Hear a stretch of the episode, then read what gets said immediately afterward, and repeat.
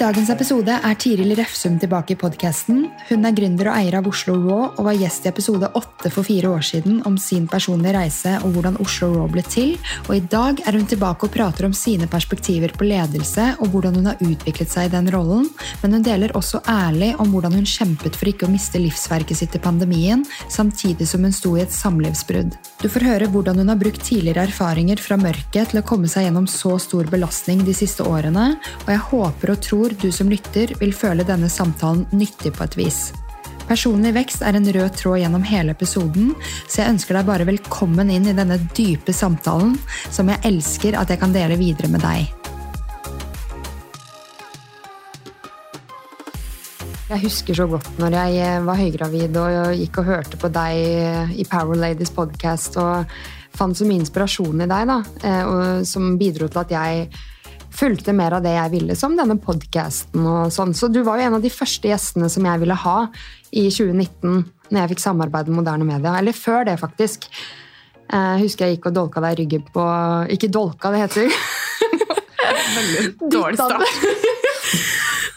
Dytta deg i ryggen Nei, banka deg på ryggen. ja, du kom bare bort, du.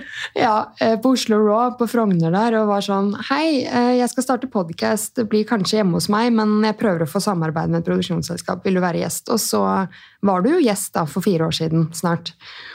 Um, og da snakka vi om uh, reisen din, som er sykt inspirerende. Um, Oslo Raw, og jeg husker jeg også spurte deg litt om hvordan du er som leder. Så jeg har litt lyst til å bare starte der. Hva svarte jeg da? Eh, da var du eh, Jeg går til coach. Det, det, men jeg husker ikke helt. Jeg hørte litt på det i stad, faktisk. Um, Spør coachen. Nei, men Det hørtes ut som at du var veldig trygg i at uh, de ansatte velger om de ser på deg som en leder. Om de ønsker å følge sagt. deg. Ja. ja. Det var imponerende i ammetåken og høygravid ja. og si noe sånt. Ja, ja, ja, da var Molly nyfødt. Var hun nyfødt, ja? Ja, eller hun var jo, når vi spilte inn, så var hun en type blackout på et tidspunkt. Jeg husker ikke så mye. Nei, ja, det var den tiden, men Men det kom i hvert fall noe ut av det, da. Absolutt. Ja, det var bra. Og det jeg lurer litt sånn på, før vi skal innom masse annet spennende, er liksom dette med ledelse og utvikling siden forrige episode. Um, hvordan din lederstil har utviklet seg fra pandemien og Det er et veldig stort og godt spørsmål. Det er, kanskje, ja, det er vel egentlig det feltet som interesserer meg mest, som er overraskende ettersom jeg tenkte at sjokolade var mitt, min hobby, på en måte min sånn store drøm var disse sausene som skulle helles over, og bare eksplosive smaker, som er utrolig godt. Uh, så var det med på en måte å bygge team, utvikle meg selv, være til nytte, men mest av alt gjøre andre bedre. Det går mye dypere enn sjokolade. Altså, mm. Kanskje ikke kan ikke sammenlignes med sjokolade, fordi det går også veldig veldig dypt. Mm. Men man tror man gjør noe. Man tror man liksom vet hva man skal gjøre. Og så ender man opp med å bli kjent med noe dypere i seg selv som betyr så mye mer Mm. Og man skjønner man er her for å gjøre. Mm. Og det, det er fortsatt det viktigste for meg. Mm. Er, disse, er, dette lederskapet som jeg har fått sjansen og muligheten til å, å, å ta. da. Mm. Jeg tror man får de mulighetene man er klar for, og de som vil følge, de følger. Men det er noe man må fortjene seg hele tiden, en lederrolle. da. Mm. Å stå i altså, ja, virkelig gjøre den jobben som trengs for å være verdig den posisjonen. Mm. Det er mye ansvar. Og da må man kjenne seg selv. Mm. Og lede seg selv. Og det er jo ikke bare bare. Der kommer coachen din, da.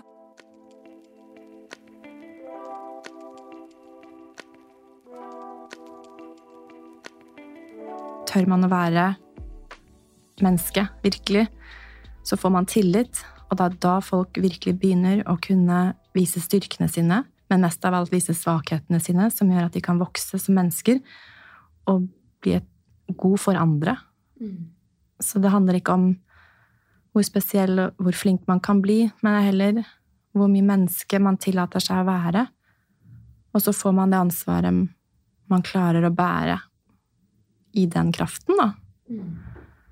Og det er sårbart men heller egentlig ikke sårbart. For det høres så svakt ut. Mm. Men heller åpenhet for det som man kjenner skal komme gjennom. For de som er rundt deg, og for deg selv. Og det krever jo en hel del tillit til prosessen og livet og reisen man er på, som Mm. vi ikke har kontroll over. Mm. Og da kommer det til deg det du trenger for det øyeblikket. Og da blir man ikke så spesiell lenger. Man er bare et menneske, Mm. sant? Men man kan få til helt elleville ting. Mm. Men det er fortsatt ikke personlig.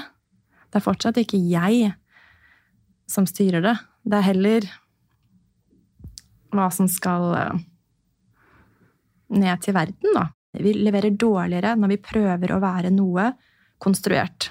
Jeg skal være en god leder. Jeg skal være perfekt. Mm. Jeg skal være flink. Istedenfor å se på menneskeligheten sin, og så finne den sunne drivkraften. Mm. Og i det se på de motkreftene man har, slash svake sider, Mm. og få de opp som fort som faen. Mm. Fordi rydder man bort i de, og, og snakker eksempel, at eh, en ansatt kommer til meg og sier du, jeg syns det er vanskelig. Jeg føler, jeg føler disse tingene, jeg er liksom skamfull over det. Og det er jo en tillitserklæring av en annen verden. Når en tør å vise sine svake sider. Mm. Du finner ikke noe mer sterk, noe sterkere enn det. Nei. Eh, Og brått da, så skytes det inn en slags kraft, en drivkraft, og en levering på et helt annet nivå. Mm. Og det, den kraften der, den er ikke, man blir ikke brent ut av de kreftene der. Mm. Fordi de kommer fra et sunt sted. Men når det kommer en drive fra et ego som skal overprestere og være noe spesielt, den gamle verden, den som alt er bygget på, basically, som alle er slitne av nå, Mm. den funker ikke lenger. Mm. Um, og det er ikke en sånn sunn kraft som vil gi oss god helse, god, gode relasjoner til oss selv og andre, intimitet, Mm. kontakt med verden. Det er Absolutt de kvalitetene som trengs mest av alt. Mm. De kommer ikke gjennom å være spesiell, men de kommer gjennom å være åpen. Mm. Uh, og dele av seg selv i det øyeblikket, og ta ansvar for det som kommer. Og så må man alltid huske å gi slipp på det også, for det, det, går det skal passere. Det er ikke noe som jeg skal reflektere over i timevis og bare mm, 'Hvorfor skjedde det? Mm, jeg må rydde opp i det.' Og jeg må skrive det. Mm.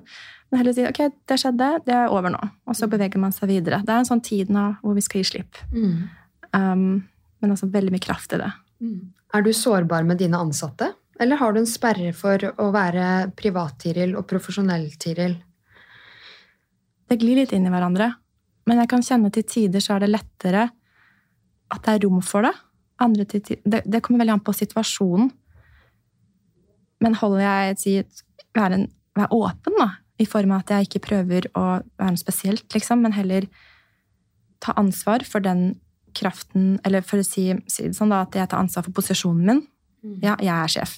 De er mine ansatte. Det er et hierarki. Det er som å si sånn, Jeg kan ikke gå inn i- til Molly når hun leker på barnerommet sitt og en jente. Jeg er mor. Ja. Hun er datter. Hun kan ikke ta ansvar for lederskapet i det rommet. Det er mitt ansvar. Mm. Det er en helt naturlig lov. Sant? Si, I hierarkiet i Oslo Raw så er jeg på topp, Mm. og, og da skal jeg ta den posisjonen. Og, det bæ- og med det så um, bruker jeg all den åpenheten jeg kan gjøre Mm. For å få kontakt med de jeg jobber med. Mm. Så de føler det er rom til å være seg selv og vokse. Mm. Og da, da får vi ofte veldig mye medvind. Mm. Det er som at livet slipper til i det rommet. Ikke komme og overstyre og sier sånn, sånn skal det være, sånn skal det være, jeg vil ha det sånn, sånn, sånn. Men heller skape et rom for den um, det livet til å komme inn. Da, og absolutt Oslo Raw er et veldig levende konsept. Mm. Jeg skjønner ikke helt hvordan det går til, alt vi gjør, og hvordan disse avtalene kommer til meg og oss. Men jeg tror det har en hel del med åpenheten til hver og en som jobber i Raw, og den kulturen vi har bygget eh, over tid, som har blitt vanvittig soft. Mm. I det veldig kraftfullt. Ja. Ja. Det høres ut som at dere har ganske god psykologisk trygghet på arbeidsplassen. Altså at det er rom for å ha egne meninger, tørre å være seg selv.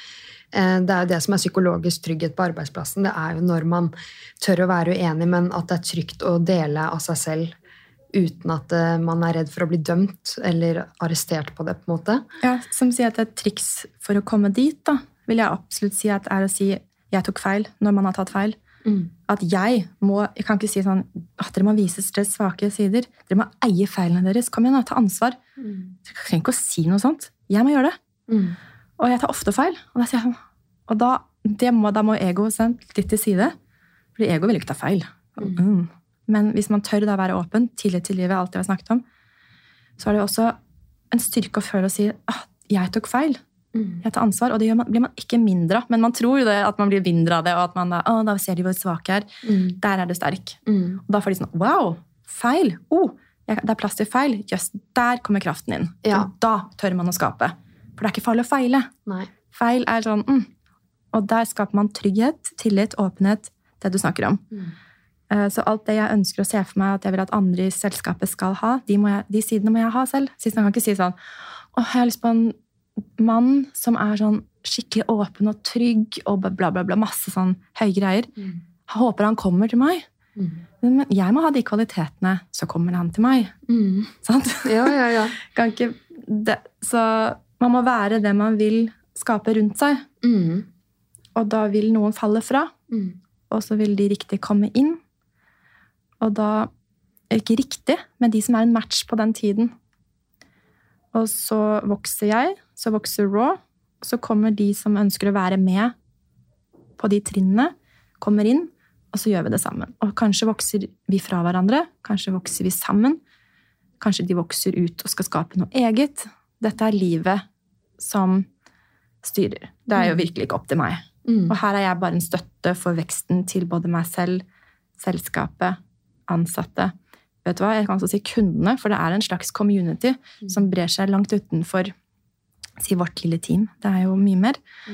Eh, Og vi påvirker hverandre i høy grad. da. Mm. Eh, Og derfor så er jeg veldig opptatt av dette feltet.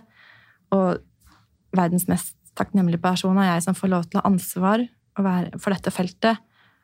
eh, I form av at jeg er frontfigur. Um, Og det, det er ganske krevende. Mm. For da må jeg liksom Jeg kan ikke bare stoppe å vokse. Jeg kan ikke sitte i, feil, jeg kan ikke sitte i mitt lille sånn «Øh, vil, ikke, vil ikke gi slipp på det, nei, jeg har lyst til å være sånn, sånn, sånn. Altså bare sånn jeg må virkelig steppe opp på en måte hele tiden. Og det har jeg fått reisen på, så jeg gjør det som faen. Men det er, liksom, Mm. det er likevel hver dag så merker jeg at det er noe som jeg må gjennom. Mm. Og, og jeg får umiddelbar eff- effekt av det. Um, Dette er det som er positivt med å være opptatt av personlig utvikling. For det finnes veldig mange ledere der ute som ikke bryr seg eller tenker hvor viktig det er å være opptatt av um, personlig utvikling og hvordan man har det, hvordan man kan vokse og bli bedre. Ser på feiling som eh, læring. Em, de har litt begrensa mindset, kanskje. Og du har jo en ekstremt kul jobb som jeg har blitt veldig inspirert av eh, opp igjennom. Og gitt arbeidsplasser til så mange. Em, og mat, det samler jo folk. Det har det jo gjort i alle tider. Liksom Samles rundt et bord, ha de gode samtalene. Og eh, jeg kan tenke meg at du finner veldig mye mening i den jobben, men har du tenkt liksom at eh, du må ansette noen som ikke kan det du kan? Eller hvordan tenker du rundt det? For det, det er en veldig styrke. Det er når man tør å finne bedre folk enn seg selv. Mm. Da må man jo også se seg selv i speilet. Sånn, Oi, hun er bedre enn meg. Ja. Det kan også være vanskelig. Det må man, det må man jo virkelig bare gjøre. Mm. Uh, og tørre å trekke seg tilbake. Og la andre vokse mer, liksom. Mm. Bare se Selskapet trenger at de står i den posisjonen. Mm. Selskapet blir sterkere hvis de altså Det kan jeg kjenne etter med min veileder. Da, at du kan gå og si sånn, ok, Hvis jeg trekker meg litt ut nå, og de går inn der, vil selskapet bli sterkere? Ja, det vil det. Mm. Oh, så lite jeg trengs til tider. Mm. Det kan være litt vanskelig. Mm. Fordi da må jeg sitte med meg selv. Og det er det jeg har unngått siden jeg var sånn 13, kanskje. Mm. Unngått å, å ta vare på meg selv. Mm. Og jeg vet at hvis jeg delegerer enda mer nå, så kommer jeg til å sitte mye med meg selv. Ja. Akkurat det jeg trenger, akkurat det Raw trenger, akkurat det ansatte trenger at jeg gjør. Mm. Tar ikke jeg vare på meg selv, så rakner jo Raw. Mm. Men det er den vanskelige jobben, da. Mm. Å sitte med seg selv, finne ro, hvile. Ja, det var noe jeg ville høre med deg om. fordi det Kontroll. finnes veldig mange forhold, nei, eh, former for hvile. Altså emosjonell hvile, kreativ hvile, sosial hvile. Um, hvilken måte, eller hvilken form er det du finner mest hvile i? Rydde opp i, i motkrefter. Man kan se på en film og slappe av, men, sitt, men har, har du trossystemer og indre bilder av noe som sliter deg ut psykisk, så hjelper det ikke hvor mye man mediterer og legger seg ned. altså. Man kan få veldig mye kraft å rydde bort i det som ikke funker. Selvbildet. Og det store, store temaet mitt, og vel kanskje de fleste, er selvverd. Øker man selvverdet sitt, tar vare på seg selv sånn dypest sett, så er det en veldig hvile. Fordi nervesystemet Du føler deg trygg. Og da kan du gjøre mye. Være helt rolig. Men går man rundt og føler at man ikke er nok, da hjelper det ikke å liksom ligge ned, for du vil føle at det er stress. Og ikke føle seg nok. Jeg må gjøre noe for å bli elsket, eller jeg liksom jeg er ikke bra nok, jeg er ikke bra nok, og sånn, ignorere kraften sin, da. Så jeg er nok mest opptatt av personlig vekst i forhold til hvile. At det kommer hvile når, du, når, vi omfavner den vi er, og aksepterer livet, og ikke prøver å endre på det. Men godtar at ting er som de er, og gir gir rom for det, så det kan faktisk renne videre. Og liksom, eller legges til ro. Da. Mm. Å rydde opp i relasjonen til mor og far skaper ro. Det Kan være veldig vanskelig i starten. Men de røttene der de påvirker oss i høy grad i absolutt alt vi gjør. Ja. Hvordan vi er i relasjonene våre, spesielt med en annen altså, Kjærlighetsromantiske relasjoner er jo en refleksjon av hvordan det vil jo, vi vil jo speile med våre foreldre inntil vi har sortert hva som skal legges til ro, hva vi vil ta med videre. Vi er jo et produkt av dem. Mm.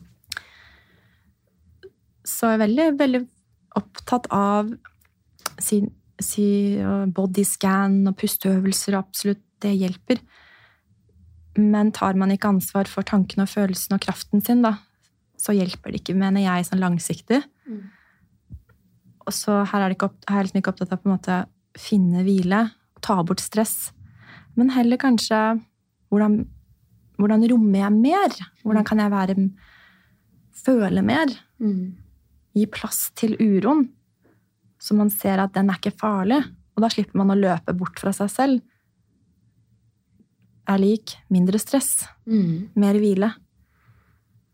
Så åpenhet, som vi snakket om i stad, det gir hvile.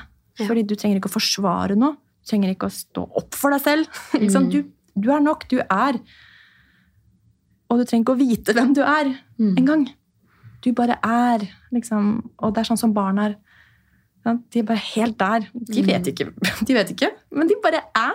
Ja. Og du bare ser sånn Det er livet, det. Jeg vet det.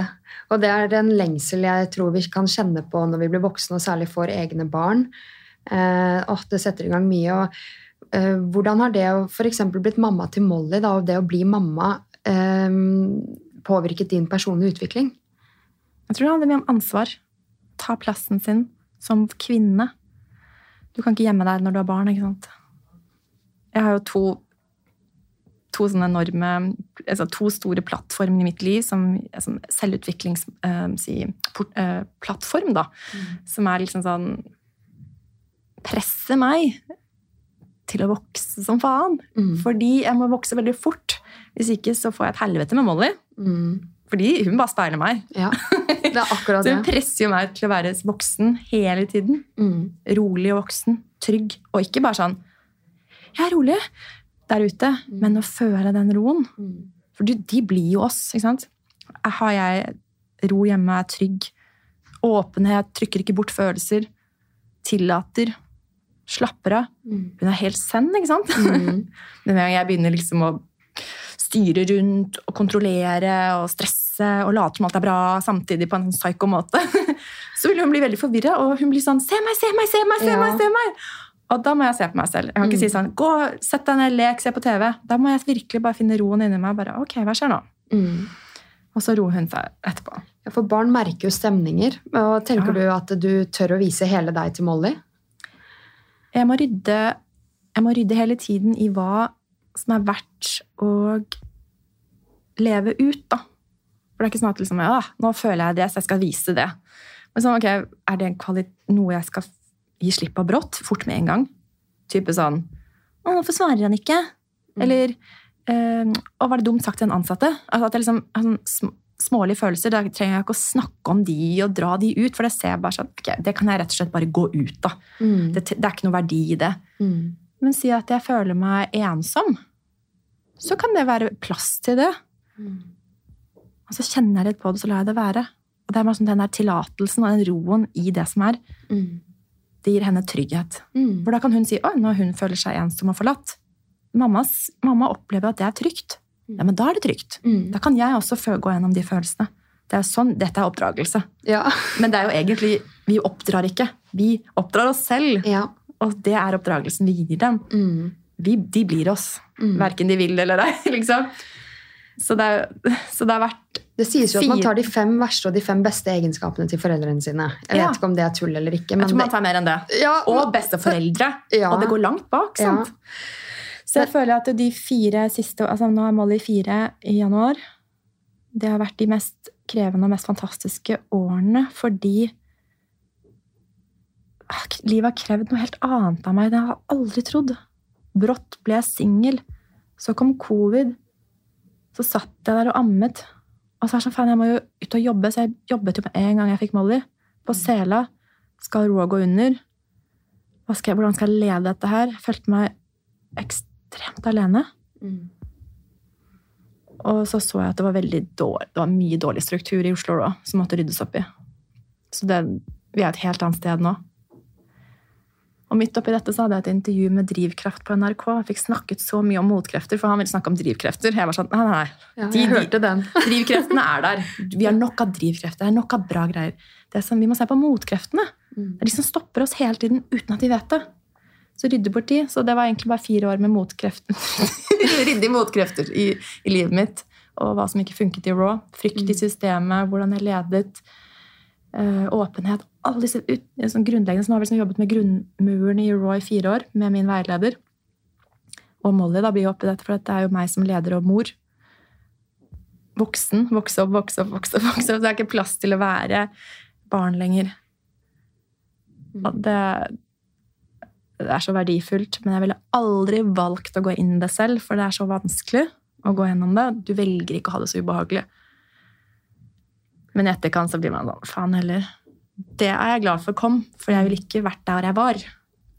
Det er akkurat det, og jeg husker vi også snakket om, og jeg har hørt deg snakke om dette i andre episoder også, at eh, du snakker veldig om mørket som en viktig del av livet for å finne lyset, på en måte, og at man bør være takknemlig for de dårlige periodene. Tenker du nå at eh, pandemien var veldig eh, Hadde sin positiv fordel også, sett bort ifra selvfølgelig Jeg tror det, det blir det man gjør det til. For noen, hvis ikke man har lært av det, så syns jeg det er waste of time. Synd at man ikke lærer noe av sånne tider. For det var jo en gave på mange måter. Nå har jeg veldig sånn setter veldig pris på kriser i etterkant, fordi jeg ser at jeg finner frem noen helt ville sider av meg selv som jeg aldri ville funnet hadde jeg hatt det komfortabelt. Og Raw kunne aldri nådd den, det nivået vi er på nå, hadde ikke jeg gått gjennom de krisene. Jeg blir så polert. Det er som en, vet, en diamant. Høyt trykk. Du blir presset og presset og presset, og presset, og så liksom skinner du til slutt. da. Det er sånn et menneske endrer seg. Dette er personlig vekst, og det er smertefullt. Whether you like it or not. Og derfor så er det sånn Ok, livet skjer. Vi har ikke kontroll over staten. Vi har ikke kontroll over verden. Vi, vi kan gjøre en innsats, men det, det skjedde. Hva kommer opp i meg, da? Hva må jeg ta ansvar for? Hvordan, hvor fort må jeg vokse? Hva må jeg se på? Jeg må gjøre en jobb og møte det. Så for meg en gavepakke. Ikke når jeg sto i det. Det var et rent helvete. Men i etterkant Åh, jeg er så takknemlig. Kan jeg spørre om et litt ærlig spørsmål, så svarer du Jeg har jo vært veldig ærlig. Ja, du er jeg tror veldig ikke jeg kan ikke være ærlig nå. Men eh, du har jo vært åpen om før at du har vært gjennom et enormt mørke tidligere. Hjalp det deg veldig at du har vært gjennom det tidligere i denne skilsmissen og når Oslo Raw holdt på å gå under? Eh, hadde du litt verktøy som Og hva gjorde du for å ha hodet over vann? Fordi det er jo, som mamma selv, da kan jeg tenke meg hvor mørkt det blir å skulle gå gjennom et samlivsbrudd og skulle satse på drømmen. Um, hvor krevende det må ha vært. Men du, du, skinner jo, på en måte. Og du er jo et, eh, alltid et eksempel på at eh, mørket bidrar til eh, vekst, og at man kan få det godt igjen. Da. Det er det jeg syns er så fint med deg, og at du stiller opp i podcaster og belyser det.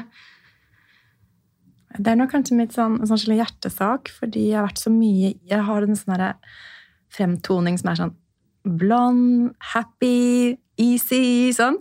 Men inni meg så er det bare sånn endeløst. Det er så dypt, og det er så jeg, jeg, Alt vært sånn. sånn alltid reflektert. Alt sånn, Lese sånn Eckhart Tolle og sånn selvutvikling. Jeg var sånn tolv år.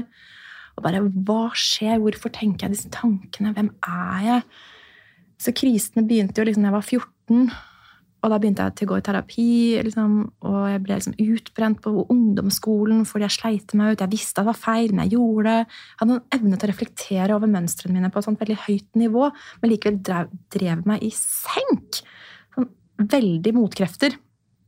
Så jeg hadde liksom veldig sånn eh, Det ble revet i begge ender av på en måte åpenheten min og, og forståelsen. Sånn, veldig modenhet på et veldig dypt nivå men samtidig ekstremt umoden.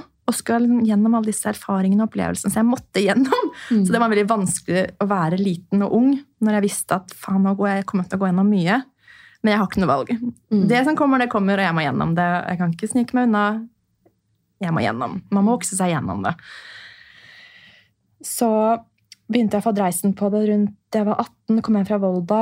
Hadde vært der, studert journalistikk, det gikk ikke. Jeg var kjempesliten, likte ikke meg selv, ville ikke leve, bla, bla, bla. Utbrent, sagt det før. Eh, men da jeg møtte min første terapeut, og han hjalp meg på en måte til å se kvaliteten av disse Si et sort hull. da. Du, du sitter, du har det så vanskelig at du føler at du er en sånn sump, og du bare faller, og det blir mørkere og det blir mørkere. Du aner ikke hvordan du kommer ut av det. Og når jeg gikk gjennom det den første gangen, og forsto at det er der jeg finner lyset, mm. så fikk jeg en erfaring av den kjemien i å prosessere mørket sitt. Mm. Og når du har en erfaring av det, så er det lettere og lettere. og lettere. Mm. Så hadde jeg da ti år med det. Mm. hvor det på en måte, jeg begynte å bygge mitt et sånn moden, Jeg ble mer moden, voksen, reflekterte mer. Det gikk dypere og dypere. Det var, men det var likevel kom det bare vanskeligere og vanskeligere ting. Men de opplevdes lettere og lettere og lettere.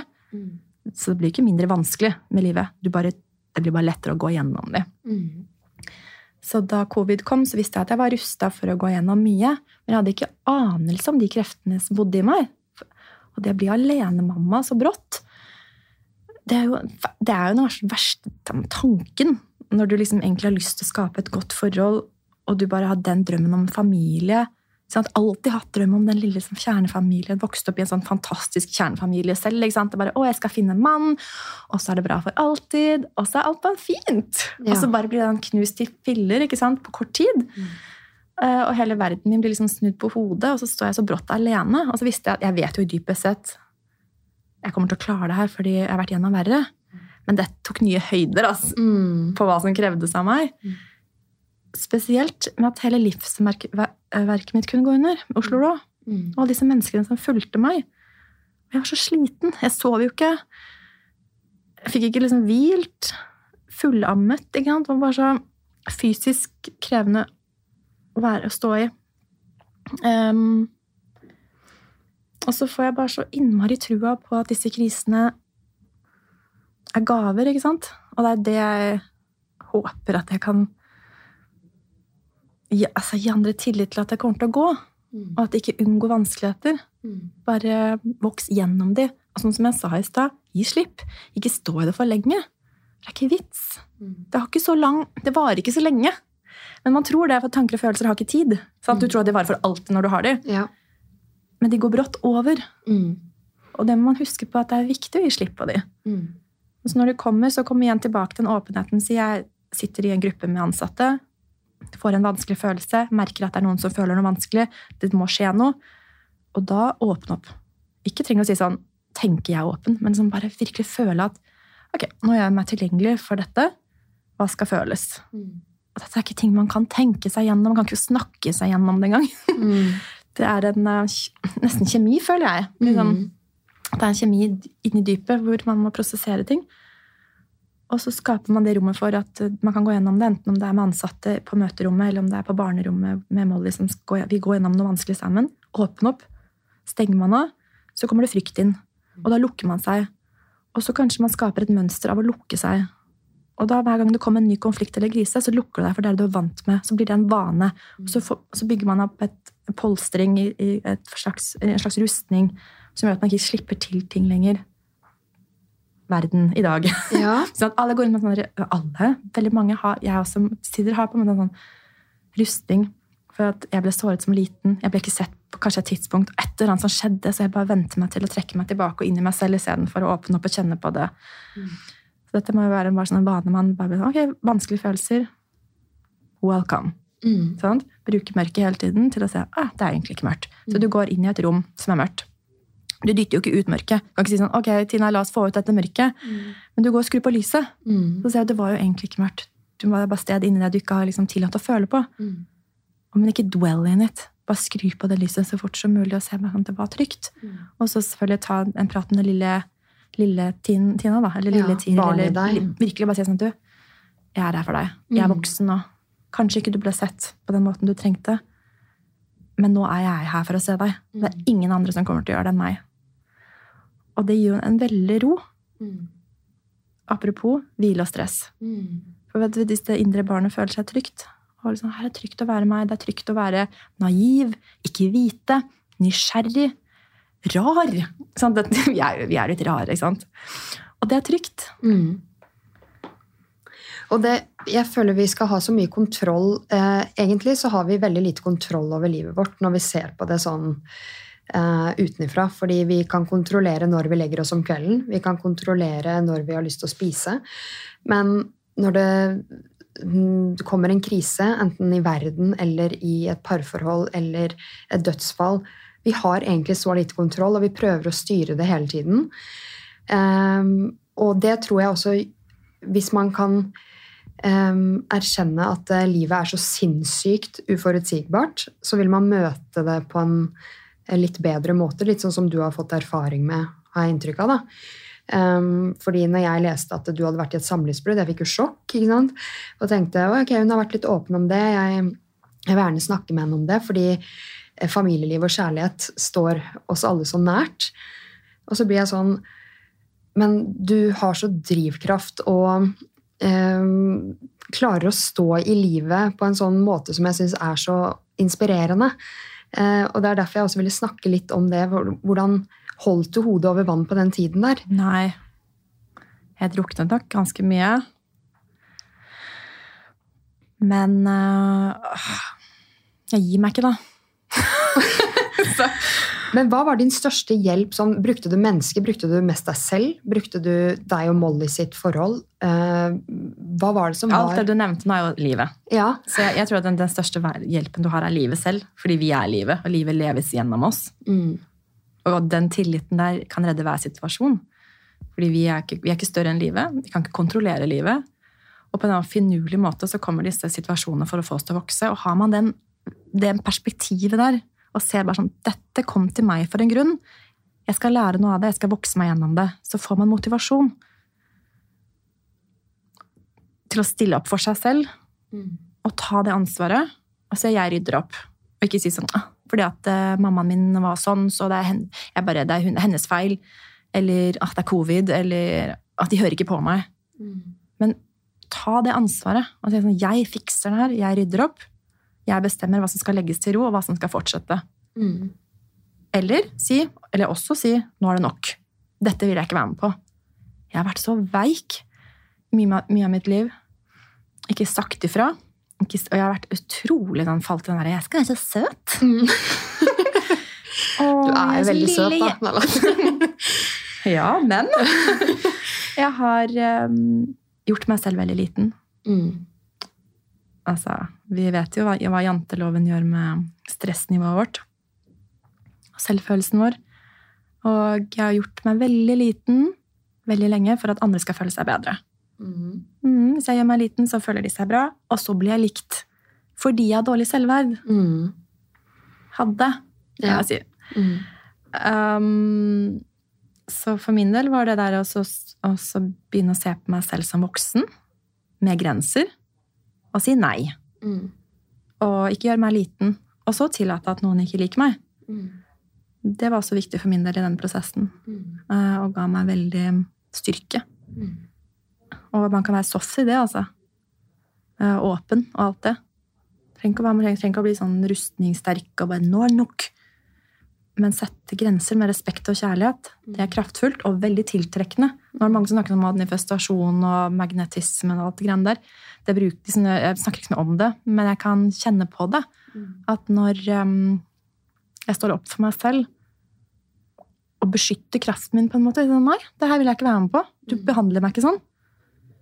Så får man en, på en finurlig måte sterkere tiltrekning. Fordi man, man, man er um, Respekterer seg selv. Mm. Hvis man har personlige utfordringer, eh, hvordan balanserer du det da med eh, eh, profesjonelle forpliktelser? Eller motsatt, da, hvis du har det litt utfordrende på Oslo Raw, og så har du det egentlig veldig bra på hjemmebane. Hvordan balanserer du at det kan være veldig motsetninger? Det er interessant. Jeg tror ikke du kan skille det. Si at um, vi reflekterer hverandre hele tiden. Jeg har Oslo Raw, da. Mm. Nå, nå må jeg hvile. Det vil til være til fordel for Oslo Raw. Jeg merker at jeg må gå gjennom mye. Oslo Raw går superbra nå. Mm. Aldri opplevd mindre konflikt. Mindre, altså aldri vært så lite drama på syv år. Åh, elsker å høre Og så blir jeg litt sånn, Når alt rundt meg begynner å falle på stell, så kan jeg kjenne på den faen.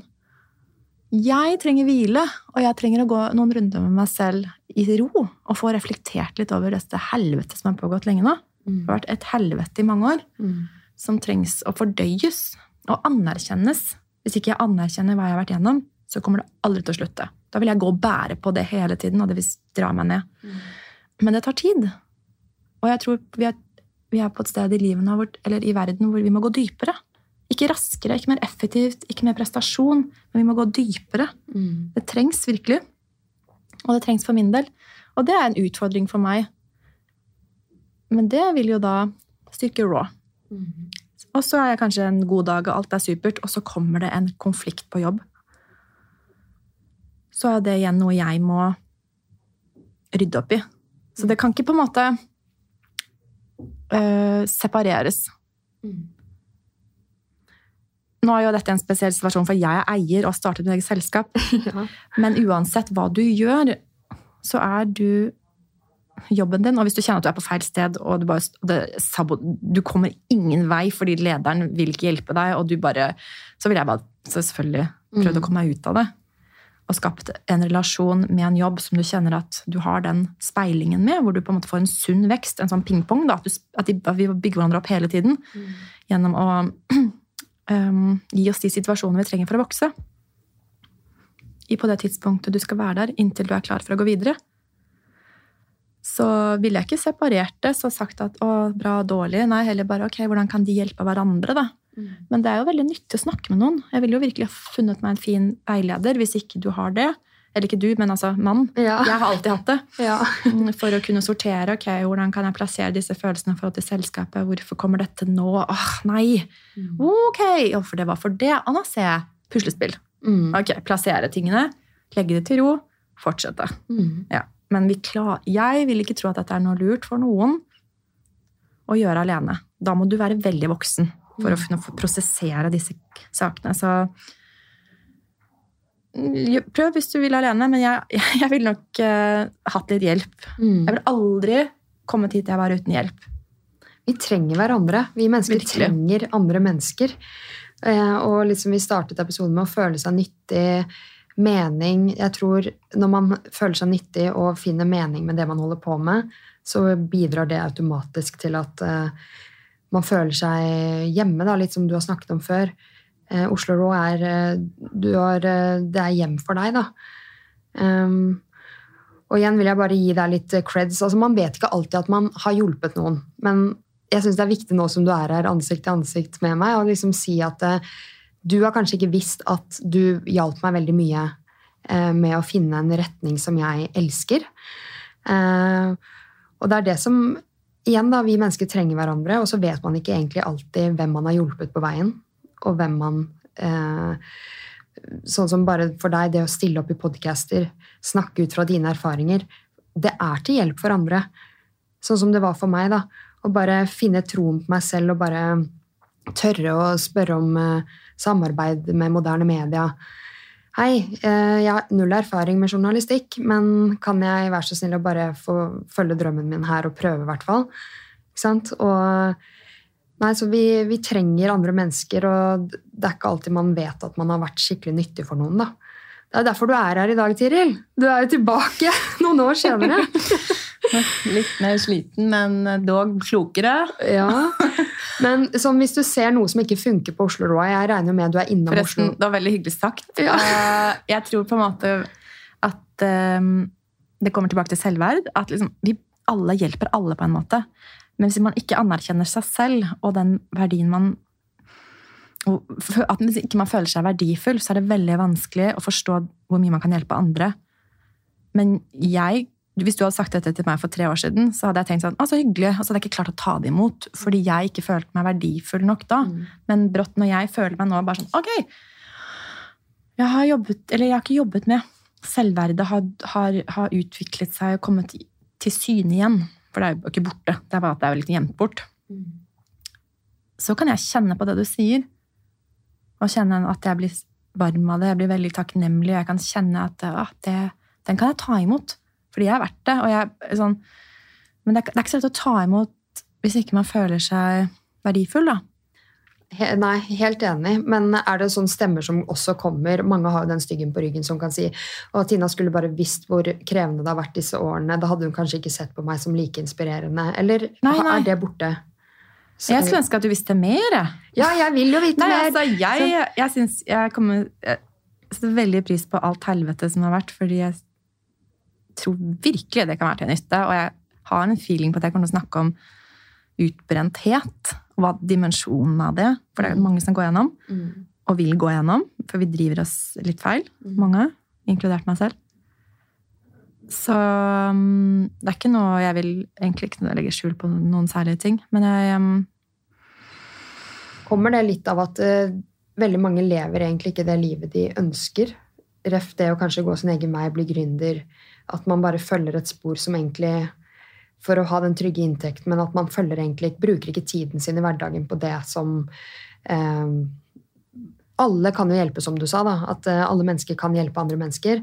Hvis man kunne startet en business med det man føler er sine styrker, eh, fremfor Ja, å men er man villig til å gjøre den jobben? Den er jeg litt usikker på. Mm. Er man villig til å stå i det som kommer da? Tør man å ha det så ukomfortabelt så jævlig lenge? Det, du må ha en utholdenhet, annen dimensjon, for å kunne komme tilbake til deg selv, som er 100 verdt Altså, du, du får sjelen altså, Det er litt sånn Åpner du den døren, så ser du deg aldri tilbake. For du får mening. Det blir ikke lettere, men du får mening, sånn dyp mening med Mm. livet. Den døra der er det litt skummelt å åpne, fordi det det blir jo identitetskrise. Mm. Sant? Hvem er du? Du må rydde opp i veldig mye, Mm. og det tar tid. Mm. Så jeg skjønner at, det ikke, at folk ikke, ikke orker, rett og slett. For meg hadde jeg ikke noe valg. Det føltes liksom som at det bare Nei, enten så gidder jeg ikke å leve, eller så våkner jeg opp. Fordi det her går ikke. Mm. Eh, Så sånn sett bra. Fordi jeg ble presset inn i det sånn fra inn i det av livet. Men eh, kanskje vil jeg tro at det blir lettere og lettere jo flere som gjør det. Kanskje dette når jeg snakker nå, kanskje det er fortiden. Kanskje det var sånn at det måtte være smertefullt å våkne opp og på en måte finne en dyp mening da, med arbeidet. Det betyr ikke at man må gjøre noe sånn superspesielt, men at du finner mening sånn dypest sett i hverdagen din Mm. gjennom kreativitet. Enten om det er å lage telefoner, bygge biler, male, konstruere en app. Altså det, det er sånn uendelige måter å være kreativ på. Mm. Men kreativitet er jo en kontakt med noe skaperkraften vår, da, som er jo veldig meningsfullt for mennesket. For at man er til nytte og kan bidra med noe gjennom å skape noe godt. Jeg tror det er ganske sånn ganske basic, da. Tror du alle mennesker eh, er kreative innerst inne? Ja, jeg tror vi er, vi er en kreativ kraft. Eh, Men det, ut, det kommer til uttrykk på alle hver sin unike måte. Så det er, det er problemet med sammenligning. Da, at man sier, hun gjør det, det er sånn fargerikt og spesielt. Og sånn. Så egentlig så er man kanskje litt mer opptatt av noe indre, noe dypere, noe annet. Noe liksom som ikke noen ser, men det for deg gir mening. Mm. Så man må komme seg hjem, da. Og den veien er lang og krevende. Men um, har vi noe valg? Mm. Liksom, egentlig. Jeg er litt sånn nysgjerrig på hvorfor ikke flere er interessert i, i å bli kjent med seg selv dypt, dypt. Altså, det er vondt. det er vondt, det er jeg vet det, men det er derfor jeg vondt. Jeg relaterte veldig til deg for mange år siden fordi jeg tenkte her har vi en dyp person. Jeg eh, tenker det samme som Tiril på mange områder, um, men jeg trengte å høre noen andre si det. Fordi jeg har alltid fått høre at jeg er så dyp og nesten litt sånn teit rundt middagsbordet hvis det er familiemiddag, for jeg stiller dype spørsmål. Men jeg opplever at veldig mange rundt meg er ikke så dype. Og så er jeg sånn, tenk hvordan det hadde sett ut hvis vi bare var hele oss. Det var rom for å være hele oss. Sinne, tristhet. Vi skal liksom skjule de, de sidene der ofte. Og så er det kanskje nærmeste partner da, som ser eh, hele deg. Eh, men det er ganske ensomt når man Ensomt, da. mister kanskje partneren sin. Og egentlig i forholdet kan man også være ensom. Men eh, så la oss si det hadde blitt slutt mellom meg og samboeren min nå, så vet jeg at han er den eneste som har sett hele meg de siste årene.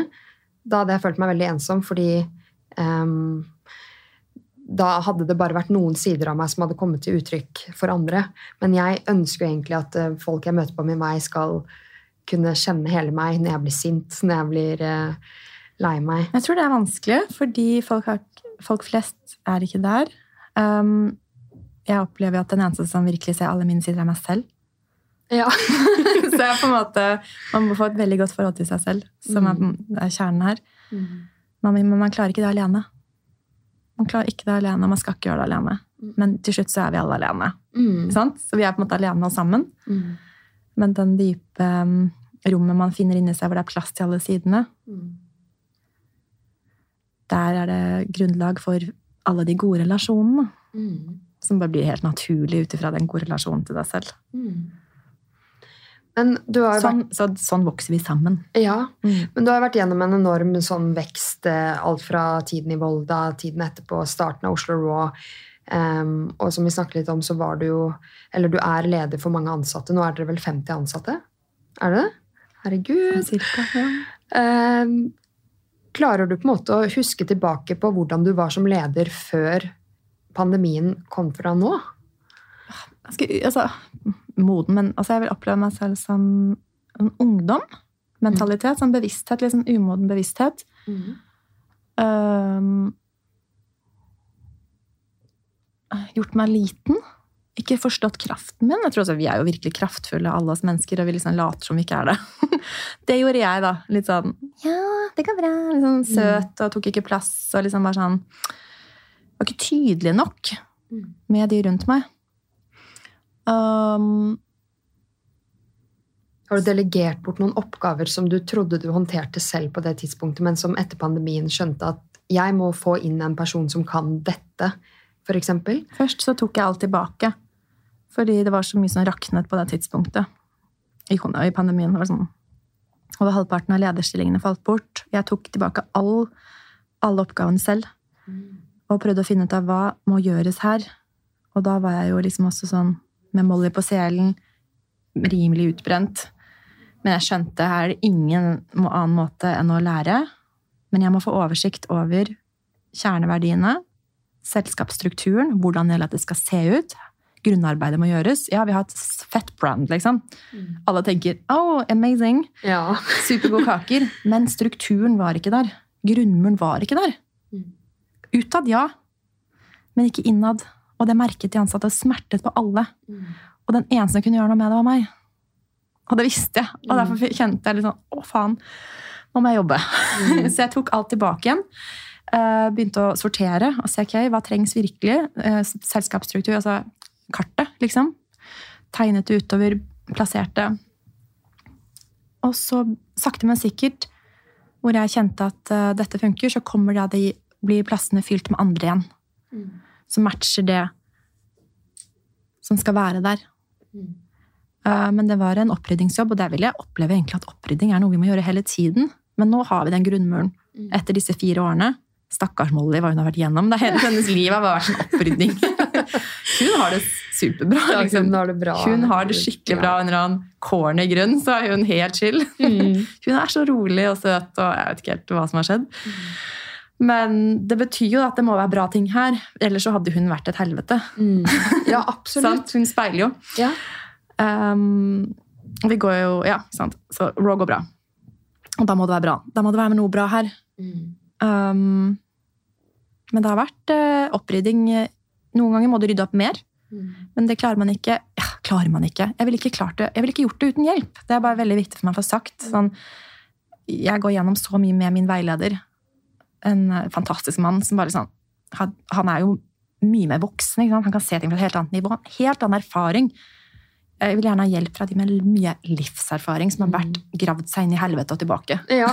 Så skjønner eh, hvor vondt det, er. ja. eh, Og kommet seg ut av det. Og har det bra, virkelig, Mm. liksom. Um, så jeg vet ikke hva jeg skulle gjort uten han. For å være helt ærlig. Jeg hadde klart det, men det hadde tatt lang tid. Mm.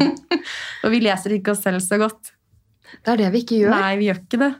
Og at noen, er, noen ganger så bør jeg bruke det ordet accountable. At noen står der accountable. At du har noen som stiller opp for deg. Fordi vi roter oss så jævlig bort. Mm. Uh, og jeg har det i form av min veileder. Mm. At liksom, jeg, kan, jeg vet jeg kan, sånn, Noen må bare være accountable, for jeg kommer til å rote meg bort igjen og igjen. Og igjen, og det gjør vi uansett Mm. hvor flinke og fine vi er. Så, så det er livet. Ja. Ja, vi trenger noen til å stå der og bare Mm. liksom Nei, se den. Eller Mm. dytte oss litt. Å, nei, men se det. Mm. Speile. Noen som har kommet lenger enn oss. Mm. Jeg tror det er utrolig viktig. Viktig budskap til meg selv her er at man alltid finner noen som har kommet lenger. Du alltid måte, strekker deg opp og finner noen ok? Noen som er bedre på ulike områder. For eksempel sier at jeg har en salsalærer. Han er verdensmester Ja. i salsa. Selvfølgelig, opp, selvfølgelig skal jeg ha han. Han skal være min lærer. Mm. Så der har jeg noe å strekke meg etter. Min veileder han har vært gjennom Jeg kan ikke forstå alt han har vært gjennom. Han har vokst ja, på et nivå som jeg ikke kan forstå, og derfor så følger jeg han. Mm. Um, så finne folk som har gått før, som man kan strekke seg etter. Og så hvordan kan man hjelpe de som er ikke kommet så langt, da? Mm. Så disse man må hele tiden tenke hvordan kan jeg bidra til de som ikke Istedenfor å tenke sånn at de er ikke å, dype nok, sånn som du sa. Så vi snakket om det. Å, de vet ikke. Men heller si hvordan kan jeg Hvis, jeg, hvis man kan gi noe, da, liksom bidra til at de kan strekke seg opp, Mm. så må man hele tiden opp og ned. Sånn, det er jo mange unge som kommer etter og som trenger litt hjelp. da. Mm. Hvordan kan vi hjelpe de? Istedenfor å tenke sånn at så umodne. Men da må man alltid strekke seg opp, alltid hjelpe de som kommer etter. Mm. Det, det er så godt poeng. Jeg jobber jo selv på ungdomsskole som helsesykepleier. og eh, Istedenfor å tenke sånn at dette her, dere klager over småting. Eh, dere må begynne å se på det på den måten, sånn som mange som er kanskje omsorgstrette kan gjøre. da, um, Og er lei av yrket sitt. Men man må alltid tenke at selv om jeg har lært dette av noen andre, eller livserfaring, så vil jeg alltid, eh, må jeg huske på at ungdom har ikke hørt dette fra noen før. Det vil alltid være en første gang man lærer noe på veien. da. Um, Ja, ikke sant?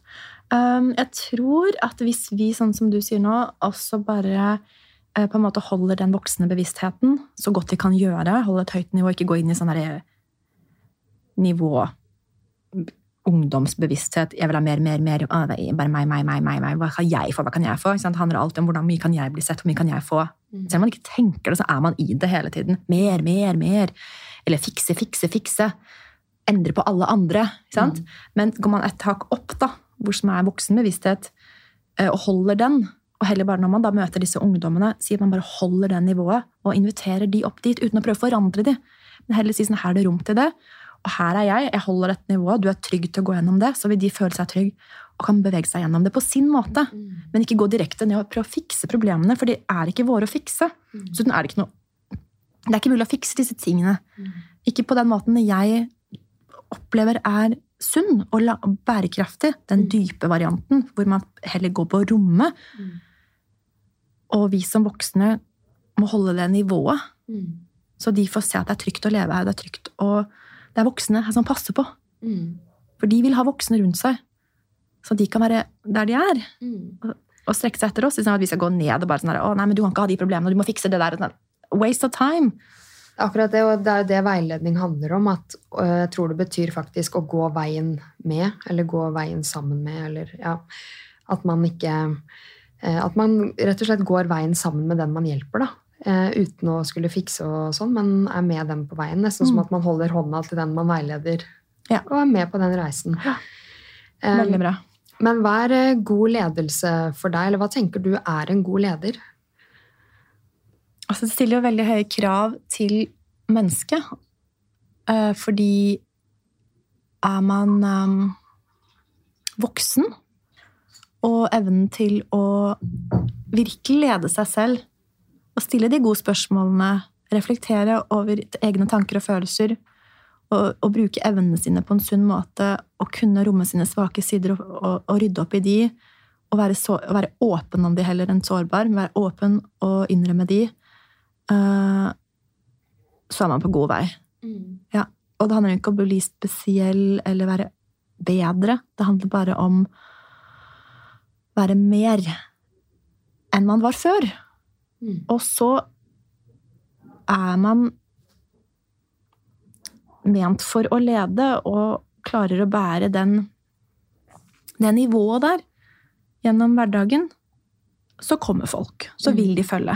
Mange ledere som tror de leder, men tenker sånn, egentlig følger de. Sånn, de, de stoler ikke på dem. Nei. For de stoler ikke på seg selv. Det er, det er frykt i systemet. Det er lukket.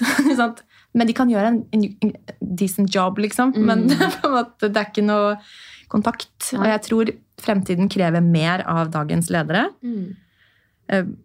Vi krever mer. På en god måte. Ja. Um, men mest av alt ta ansvar for evnene sine. Ta ansvar for negativ, altså de dårlige sidene sine. Eie de. Rydde opp som faen. eh, og se hvordan kan jeg hjelpe dette mennesket foran meg, eller dette, den ansatte eller dette teamet til å vokse. Hvordan kan jeg hjelpe de best mulig til å blomstre? Er det noen ganger ved å satse, at de la de satse på noe annet? Det handler om mennesket, det handler ikke om arbeidet. Det handler om mennesket, hva de føler. De har egne liv. Spørre de om hva de liksom brenner for. Hvordan kan jeg hjelpe de til å nå drømmen sin? Ok, Si at du er i Oslo i to år fordi du egentlig har lyst til å starte egen kafé eller du har lyst til å starte med blomster. Ja, Du trenger å tjene penger, du trenger å lære. Greit, la oss gjøre det her sammen. Hvordan kan jeg hjelpe deg til å bygge den businessen, din egen business? Tenker man sånn, så prioriterer man jo alltid mennesket. Og det er en, da er livet på din side, for å si det sånn. da. Mm. Men jeg elsker at du, du fronter det med å se hele mennesket, og at du, du vil dine ansatte vel. Eh, og tenker at hvis de vil bli Oslo Raw, supert. Vil de gå sin egen vei, supert. Jeg skal være der. Ja, også etter. Mm. Jeg var ute og feiret min venninnes boklansering i går, og så møtte jeg en tidligere ansatt på den. Vi dro ut og drakk etterpå på, den, på en bar. Det var veldig veldig koselig, og så kommer hun bort og bare 'Tiril!' Og hun jobbet i Roy sånn flere år, og jeg savner jo henne virkelig. Skulle ønske hun ble, men hun har blomstret skikkelig. Og det å kunne møte disse menneskene, det er sånn, det betyr noe for meg. Mm. Bare sånn, det handler ikke om Oslo Raw, det handler ikke om kakene, det handler ikke om arbeidet. Det handler om menneskene og deres liv. Mm. Og da må man sette seg selv litt til siden ass, og bare glemme sine egne sånn 'jeg vil ha det sånn'. Mm. Men heller ok, hvordan vil eh, Raw at dette skal være? Hvordan vil livet at dette skal være? Hvordan kan jeg ivareta dette konseptet på den sunneste måten for alle involverte? Mm. Det er nok det mest modne trekket. Jeg sier ikke at jeg alltid gjør det sånn, men det er det jeg liksom kjenner er det riktigste for meg uh, å lede etter. Jeg syns du høres ut som en fantastisk leder. Og så har jeg litt lyst til å høre fra dame til dame om du eh, tar hensyn til syklusen din i en arbeidsmåned. Fordi jeg har blitt mye mer observant på hvor stor plass den syklusen min tar i mitt liv. Så bare vil jeg høre med deg om det. Jeg tror på en måte så lenge man um, Igjen, det, vi snakker om det samme hele tiden, åpenhet. på en måte, At det er lov altså, Når man har motstand mot noe i livet sitt, så blir det vondt verre. Det er ikke noe galt å ha smerter. Det er ikke noe galt å ha det en dårlig dag. Det er ikke, lov, det er ikke galt å være treig. Men når man har motstand mot det og sier sånn det burde ikke være sånn, da er problemene der. Det gjør ikke noe om det går litt treigere en dag. Så lenge du selv føler at det er ok å gå gjennom det, det er plasset du slipper, du tar ikke den treningsøkten. Nei, du tar en ekstra halvtime. Du, du går saktere. Eh, ringer inn hvis du kjenner sånn Nei, faen, jeg klarer ikke å stille opp. Forklarer det på en ordentlig, ryddig måte. Sier sånn Nå er det ikke bra. Er det noe jeg kan gjøre hjemmefra? Eller kan jeg bare ta meg en fridag? Ja, vet du hva, det går helt fint. Sant? Men det, vi har jo selv ansvar for egen syklus. og at vi selv gjør det vi kan for at den skal være så smooth som mulig. For den kan være smooth. Det er bare når vi på en måte tenker sånn, skulle ikke vært sånn. Eller uh, jeg, må, skjerpe meg. Liksom. Det er der problemene begynner. Vi får til like mye. Um, og det er ikke noe problem med syklus. Det er jo måten vi overlever på. Ja. Så det er basically ganske viktig. Ja. Um, og det er noe fantastisk med disse svingningene. Altså, vi blir jo mer spennende hvis vi lever liksom i tråd med det. Jeg tenker sånn, Ideene vi får de ulike tidene. altså Når man sier har går litt innover, da, for man trenger det den uken, eller uken før òg, forresten. eh, At man reflekterer altså, Hvilke ideer får man da? Hva slags tanker har man da? Hva slags følelser? Og da kan man også, når man rommer den fasen, så går kanskje kollegaen din gjennom det. Så sier sånn ah, ja, du, jeg var gjennom det, og så følte jeg at jeg kunne liksom tenke litt dypere på de tingene der. Og det gjør at jeg blir et bedre menneske. Altså sånn, Bruke hver uke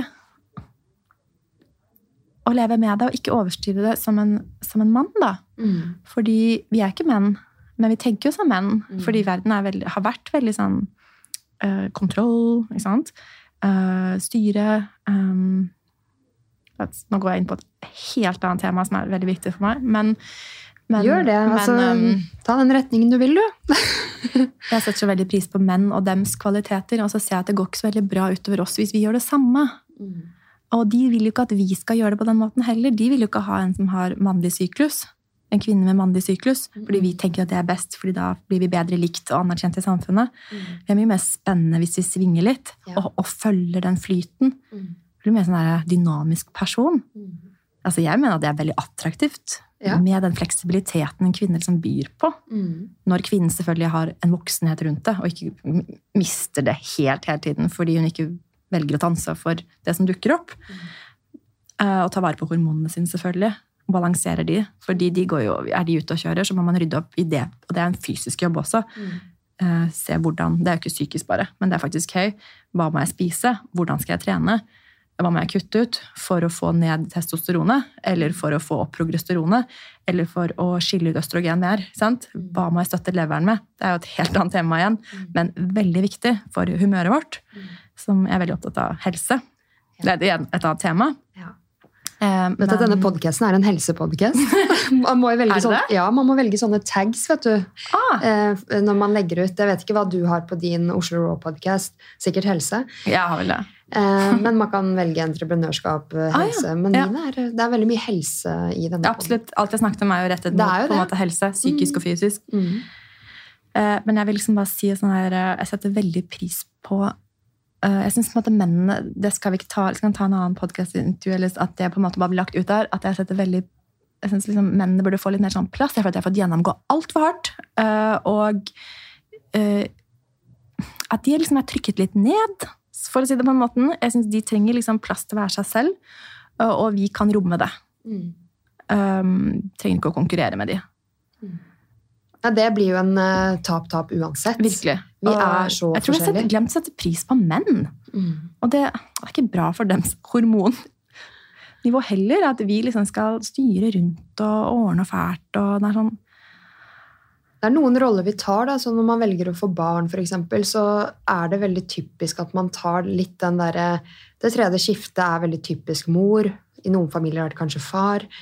Men hvis man eh, Jeg tror nysgjerrighet og dybde i parforholdet også er veldig viktig hele tiden. Tenk hvor enorm utvikling man er gjennom etter man får barn.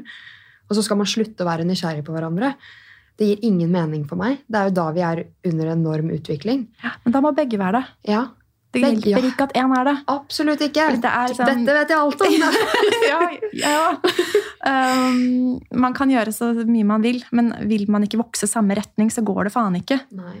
Og det er ikke noe bedre eller verre eller riktig eller gal retning her. Det er snakk om vil man, Har man de samme verdiene, vil man de samme tingene? Vokser man i, i slikt tempo, Mm. så blir det veldig spennende. Mm. Men gjør det ikke det, så gjør det ikke det. Og det kan man ikke vite på forhånd. Man møtes, man er en god match, man treffer på et nivå der som er bra. Så akkurat på det tidspunktet var det perfect match. Og så vil livet vise Vil man vokse sammen eller ikke? Mm. Legger man inn den innsatsen som trengs Mm. for å åpne seg opp til nye lag Mm. sammen? Hashtag helsepodkast og Ja. samlivs... Samlivspodden. Nei, men det, åh, det er jeg helt enig i det du sier. Og det er det som er litt fint, men også skummelt med livet, er at eh, man tror man har funnet sin partner in eh, life, men eh, så viser det seg at um... Og det er å, det er lov til å gi slipp på det. mm, Det er, sånn, det er ikke sånn Jeg trodde det var Jeg har sånn Disney-fantasi fra jeg har vært sikkert fem. da. Bare, der er prinsen, der er prinsessen, og så er de sammen for alltid. Og det, er sånn, det høres jo dumt ut, men det ligger der mm, som en sånn herre- et sånt press, egentlig, mm, på at det, this is it, liksom. mm, Men livet, da. mm. Ta en annen retning, kanskje. Det er det det gjør. Og det er jeg veldig glad for at jeg på en måte fikk oppleve. At gikk ikke, gikk det ikke. Det går fint. Alenemamma hadde aldri trodd det. Men faen gikk det òg. Ja. Wow! Ja, men, da kan jeg åpne meg opp igjen, jeg. Fordi jeg vet at slutter det, så har jeg i hvert fall meg. Men er du litt sånn nå at eh, du kan stå i alt, med tanke på hva du har vært igjennom? Jeg tror jeg, jeg kan stå i det som kommer. Mm. Hadde jeg fått uh, mer ansvar enn jeg hadde tålt, så hadde jeg knukket. Så jeg, jeg får det ikke. Si, for eksempel, jeg har en ansatt da, uh, som fikk uh, perioder mer ansvar enn hun kunne klare å bære, så hun ble veldig svak. Eh, og da var det jo min oppgave å rydde opp i og se ok, vet du hva, vi tar bort de oppgavene der. så ser vi, Og så begynte, begynte hun å blomstre og fikk akkurat det ansvaret hun kunne bære og skulle ha, som var riktig for henne. Mm. På det. Og da bare ble hun så sterk, og hun gjorde en mye bedre jobb, osv. Så, videre. så ta det ansvaret som kommer, og merker du at det er feil ansvar, si sånn Ok, jeg tar ansvaret for å være mor i min familie når jeg vokste opp. Og jeg vil også kanskje ta plassen til far, fordi jeg føler at eh, jeg trenger å ta det ansvaret, for det klarer ikke de. Så Mm. jeg setter meg selv over mamma og pappa, og så skal jeg styre hjemmet. Helt ubevisst. Liksom Mm. Bare begynner å kontrollere det. Hjelper til på alle måter for å få alt til å gå. Pleaser i hytt og pine for å få alle til å være glad, og samtidig leker en liten jente. Mm. Ok, Feil ansvar. Du knekker av det. Men man blir utbrent Mm. av å ha ansvar man ikke skal ha. Mm. Så øh, plassere Ta det ansvaret som er ditt, og det som ikke er ditt, det skal du ikke ta. Si sånn, Plassere seg selv i familiesystemet. Si 'jeg er datter', jeg er ikke her for å ta vare på mor og far. Jeg, jeg kom etter de. Mm. Det gir meg ro. Ja. Ah, sant? Og Oslo Raw så må jeg ta det ansvaret for mitt. Jeg er sjef. Mm. Alt er mitt ansvar. Mm. Så er det min oppgave å delegere derfra. Hjemme på hjemme. Mitt ansvar. Mor. Molly har ikke ansvar. Det er mitt ansvar. Eh, jeg hadde et poeng, men hva var egentlig spørsmålet? Det var noe jeg skal komme til. Oh my god. Det var Eh, noe med, hva var Jeg hadde et poeng her. Um, Vi starta med syklus, og så har det bare nei, nei, det var etter det. Det var, det var oh, an, mer ansvar enn du kan Ja, hvor mye At jeg vil klare hva som helst. Ja, ja, Ja. ja. Så jeg tror ikke jeg kan klare hva som helst. Overhodet ikke. Men jeg klarer det jeg får. ja. Og klarer jeg ikke det jeg får, så, så, så plasserer jeg det et annet sted. Mm. Hvis jeg merker at nei, nå tar jeg på et ansvar som ikke er mitt, så, så plasserer jeg det. Skal jeg, Si, si for eksempel mammas lykke. da. Mm. Hvis jeg, hvis jeg plutselig får følelsen å, jeg må gjøre henne glad. Nei, ikke mitt ansvar. Plasserer det tilbake til der hvor det hører hjemme. Ja. Men så kommer for eksempel et ansvar, som- eller noe som for eksempel er um, Molly spøy i barnehagen, du må komme, og jeg sitter i et dritviktig møte. Mitt ansvar. ja. Mm. Banalt eksempel. Jo, men det er jo Men man må merke eksempel. hva er mitt, og hva er Mm. andres. Eh, og tar man det som er sitt, så vokser man. Og um, for eksempel hvis du Dette er et helt annet eksempel. Men sånn, du får masse penger plutselig, og du er en umoden person. Du knekker. Du klarer ikke å bære pengene. Fordi det er for, det er for mye. Mm. Så du misbruker det, eller du blir svak av det. Mm. Typisk eksempel på at du får for mye enn du skal ha. Ja. Så jeg tror, hvis man kan, jeg vet ikke helt hvordan dette funker i praksis, men jeg håper bare at liksom man prøver å sortere fortløpende hva man klarer å bære og ikke. Mm. eh, Og si, mm, være ærlig på det. Mm. Eh, Men nå har jeg tillit til livet og tror at jeg får det jeg får, for en grunn. Mm. Kommer det for eksempel hvis jeg får sånn, ok, si Whole Foods vil ha kakene over hele verden, så er jeg sånn, hvis det kommer til meg nå, nei, da skal jeg ta den. Ja. Den tar jeg. ja. Er det et mål, tenker du, at dere skal utvide, kanskje selge i Norden, eller starter vi i Norge og prøver å utvide Oslo Raw i andre byer? Hva, hva tenker du der? Um, det blir jo egentlig bare disse kafeene jeg tror jeg kommer til å ha. Fordi jeg syns det er veldig spennende å være kjent med de som jobber. For det er så personlig. Det er ikke en industri. Det er liksom ikke sånn Det er ikke et sånt system man kan kopiere rundt omkring. Men det man kan kopiere, er jo fabrikk. sant? Fabrikkmat. Mm. Granola, sjokolade, barer, proteinkuler. Alt det som jeg tenker sånn, det er det diggeste. Det kan gå ut i hele verden. Mm. Så der er det ingen grense hva jeg kan få til. Men det viktigste for meg er nå sånn bunnsolid grunnmur i mitt eget liv. Hente meg inn etter alt som har skjedd. Ta vare på de ansatte. Ivareta sy- systemet som vi nå har fått i gang skikkelig. Og på en eller annen måte så kommer det mer til oss, da. Mange samarbeid, liksom kunder som har dukket opp som ikke engang trengte å søke. Det var et spørsmål. Jeg, jeg er kjempenysgjerrig på det, fordi dere fikk jo samarbeid med Meny. Jeg har kjøpt masse raw cake fra Meny på Fornebu. Elsker det jo. Eh, hvordan eh, Nå svarte du egentlig på det, men kommer de til deg? Det sånn, eller sitter du og er sånn der Hei, Meny. Nei, jeg har ikke egentlig solgt inn noe særlig noe sted. De kontakter deg? Ja, vært veldig sånn organisk. Mm. Altså, jeg har den mest organiske historien ever. Det er på en måte skjedd seg veldig sånn Veien blir til mens den går, på en måte. Ja, virkelig. Ja. Jeg er jo jævlig. Jeg liker ikke, sorry, sorry språket mitt, men jeg er liksom ikke så veldig glad i å planlegge. Og så er jeg ikke så veldig glad i struktur. Eh, Jeg har begynt å bli veldig god på det på mange måter, men jeg er veldig glad i flyt.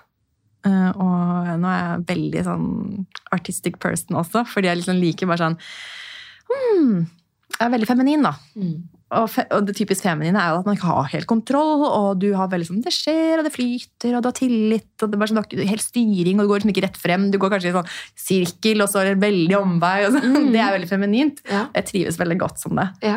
Så har man en solid grunnmur i selskapet sitt, eller i Mm. livet sitt, så kan man tåle ganske mye flyt, men de to må hele tiden være i balanse. Altså feminint og maskulint. Mm. Struktur og flyt. Basic. Mm. Um, og når den er i balanse, eh, og man nyter virkelig det derre Og man føler seg hel. Det feminine er ofte sånn jeg føler meg hel. Jeg føler meg nok. Jeg trenger ikke å gå fort frem. Jeg bare er, liksom. Så skaper det et vakuum hvor det kommer ting til deg. Et, en sånn tiltrekningslomme hvor du bare mm, du lener deg tilbake og du bare, oh, det kommer mer. Det er også en måte å nå en måloppnåelse. Å gå inn i den dynamikken der. Um, hvor du, ting ordner seg for deg, rett og slett. Mm. Så er det en balanse. Noen ganger må man ta action. men Du vet når du skal ta action. Sånn timing på det, en finurlig måte å jobbe med disse dynamikkene på. Hele tiden liksom, bevisst på de, hvordan de fungerer, og når du skal trekke deg tilbake, og når du skal ta den telefonen og faen meg ringe og si du, nå skal jeg sende kake på døra di. Smak på de, du kommer til å digge de. Kom på Raw klokka tolv! eller et eller annet. Eh, disse to må balanseres for Ja. å kunne gå fremover. Mm. Kan du komme med et eh, skikkelig godt eh, tips til de som sitter med en passion inni seg og ønsker å gå sin egen vei, starte for seg selv? Um, det samme spørsmålet fikk du for fire år siden, men kanskje du har noen andre tanker? jeg vet ikke. Hva sa jeg Fire da? år siden. Husker du hva jeg sa? Nei, jeg husker ikke helt. Eller dette Gå i terapi? Med ta action. Ta, terapi var godt nevnt, men ta action, det var jo noe du nevnte den gangen. Uh, hvis man kjenner det, at man tar action. Og så er det litt sånn Ta action, er det da eh, må man finne ut hvor man skal ta action. Om det er å lære seg regnskap, eller er ta action og starte å si opp jobben sin. Altså, jeg Eh, tror sånn, Hvis det er skikkelig ille på jobben, og du kjenner bare sånn at det blir svakere og svakere dag for dag, så ville jeg ha sluttet. ja. Men det er viktig å føle seg trygg òg. Hvor fort skal man dra teppet under føttene dine hvis ikke du må? Kanskje man trenger den jobben en periode hvor du utvikler noe på siden? Ja. Nå er jeg mer moden enn kanskje for fire år siden. Det kommer sånn, du, Slapp av litt, da. ikke ta. Nei, men Jeg kjenner meg igjen i det du sier nå. fordi det, Jeg har jo gått ned i stilling til 60% for å bruke mer tid på podkasten, fordi jeg ønsker også en karriere innenfor dette her. Men du må ha sikkerhet nå. ikke sant? Ja. Du må føle at det kommer inn penger. sånn at du kan... Sånn, Penger også. ja, men det er viktig Ja, å det er forholde seg til, til den, eh, den, den siden der. Um, jeg tror det er veldig Jeg tror kanskje det viktigste jeg tror Hvis man dropper å si finne ut hva man skal gjøre, fordi det er så vanskelig å vite noen ganger hva man skal gjøre. Mm. Hvis man ikke vet akkurat liksom, hva man elsker å gjøre, så er det så utrolig masse sånn, jeg skal finne på Ja. bare for å finne på noe. Jeg har ikke lyst til å være gründer, men jeg, har lyst, jeg vet ikke faen. Ja. Jeg har ikke noe helt mening. Jeg aner ikke. Men heller da kanskje være interessert i personlig vekst. Ja. Investere tid i seg selv. Mm. Ikke for å finne ut et, for å få et resultat eller bli noen eller Men den støtter jeg veldig, fordi eh, det er litt som du sier at man trenger ikke alltid å bare eh, ta en kveld hjemme og være sånn Hva kan jeg starte opp? Men mer sånn bli kjent med seg selv, mine verdier, og så blir jo veien litt til mens den går. Det er jo det jeg på en måte merker at dører åpner seg når man følger mer av det man elsker. Altså, dette, jeg vil si at dette er greia. Det vi sier nå, er, liksom, det er vel nok det beste rådet jeg kan gi. liksom. Mm. Der er man trigget og kjenner en push på det, ja, men da er det, liksom, da er det greia. Følg den. Men det er ikke bare sånn at den Det er ikke sikkert den er der. Men du er der. Du puster, du lever, du har behov, du har kanskje noen drømmer, du vet ikke. Men bli kjent, da Mm. med deg, og um, ha tillit til at de situasjonene du trenger, kommer Mm. når du er klar. Og er du ikke klar for akkurat det, da, så ta deg en jobb, da. Mm. Bare tjen litt penger. Tren. Spør hvordan andre har det. Øh, gjør det litt enkelt. Det er ikke noe komplisert, sånn egentlig. Og jo, jo mer voksen man blir, jo enklere og van, mer vanlig blir man. Uh, og um, ser verdien i bare å ha det greit. Liksom bare ha det bra. Liksom bare sørge for at du har gode rutiner. Mm. Ivaretar deg selv. Ha en god plan. Sett inn trening. Mm. Sett inn hvile. Mm. Lag mat fra grunnen når du har tid. Lag fryste middager. Bare gjør det helt sånn basic. Mm. Og blir man trigget av f.eks. en sånn samtale vi har nå, kanskje det var det man trengte for å hm, begynne å liksom reflektere litt over kanskje en hobby, en gammel hobby man har lagt bort, eller kanskje man ser en annen jobb man skal søke, og bare oh, her kan jeg bidra. Mm. Her, og så snakker man med de, oi, så plutselig møter man de, så går man på et event man ikke hadde egentlig tenkt å så Jeg dritsliten, orker ikke. Nei, der møtte jeg den. Mm. Sånn går det. Mm. Så jeg tror kanskje nøkkelen er nysgjerrighet på seg selv, og, og hvordan man kan bidra. Mm. Uten å legge så mye press på det. Mm. For det er igjen det der veldig sånn styring, kontroll. Jeg skal finne ut av ting, og så skal jeg bidra fordi jeg må det. Mm. Sånn, vi er allerede nok. Trenger ikke å bli noe bedre, trenger ikke å fikse på noe. trenger ikke så Enig. Det som er, det er. Og det er Mm. mer enn nok. Kan jeg spørre om deg om noe avslutningsvis som er eh, litt relatert til mitt prosjekt, da, hvor jeg har avlogget sosiale medier i et år?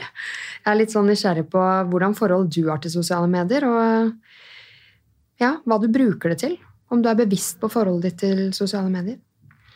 Mm. Veldig sånn fra personlig utvikling, men jeg syns det er litt interessant å høre med gjestene mine mm. nå, når jeg er snart et halvt år inne i dette her. Da. Jeg tror avhengighet eh, min, min, min fantastiske veileder han, var- han var sånn Tydeligvis at avhengighet Det stammer fra ordet 'søke', som stammer fra ordet 'mor'. Og så ble jeg sånn Faen heller. Åh, så man, altså, jeg er jo relativt avhengig av telefon, som selvfølgelig er helt vanlig.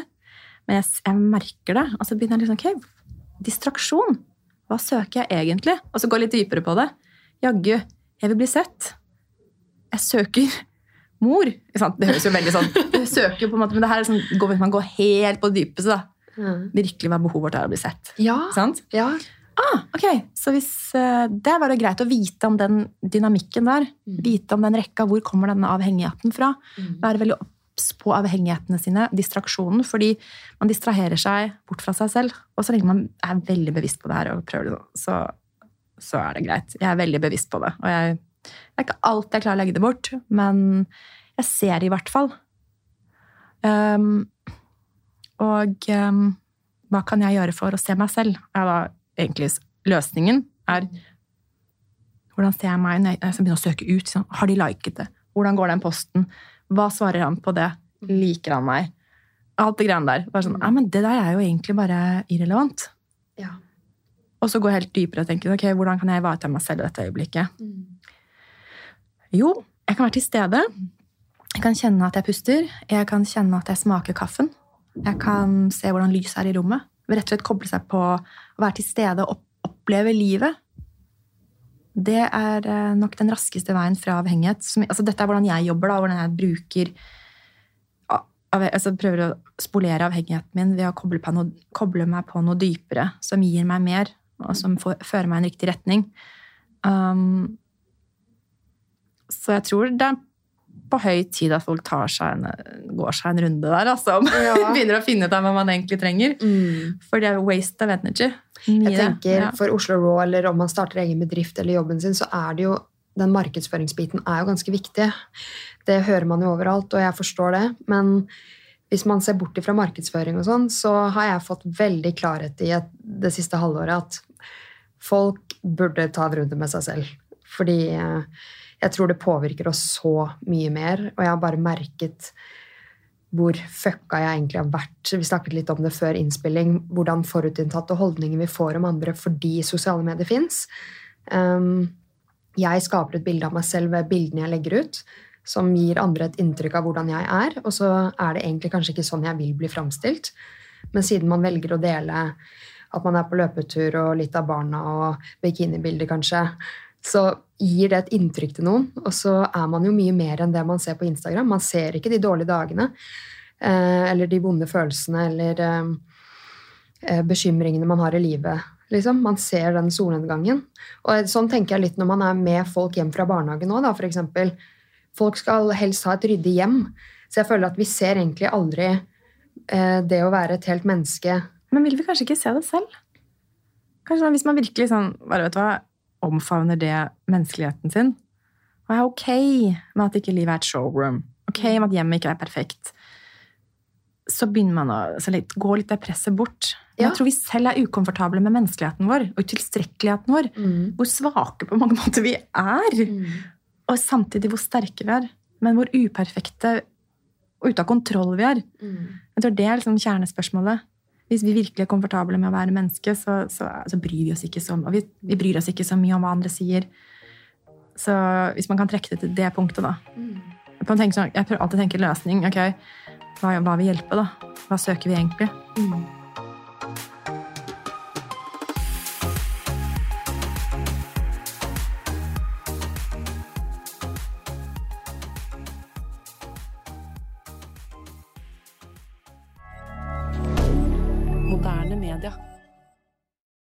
Har du et enkeltpersonforetak eller en liten bedrift? Da er du sikkert lei av å høre meg snakke om hvor enkelt det er med kvitteringer og bilag i fiken, så vi eh, gir oss her, vi. Fordi vi liker enkelt. Fiken superenkelt regnskap.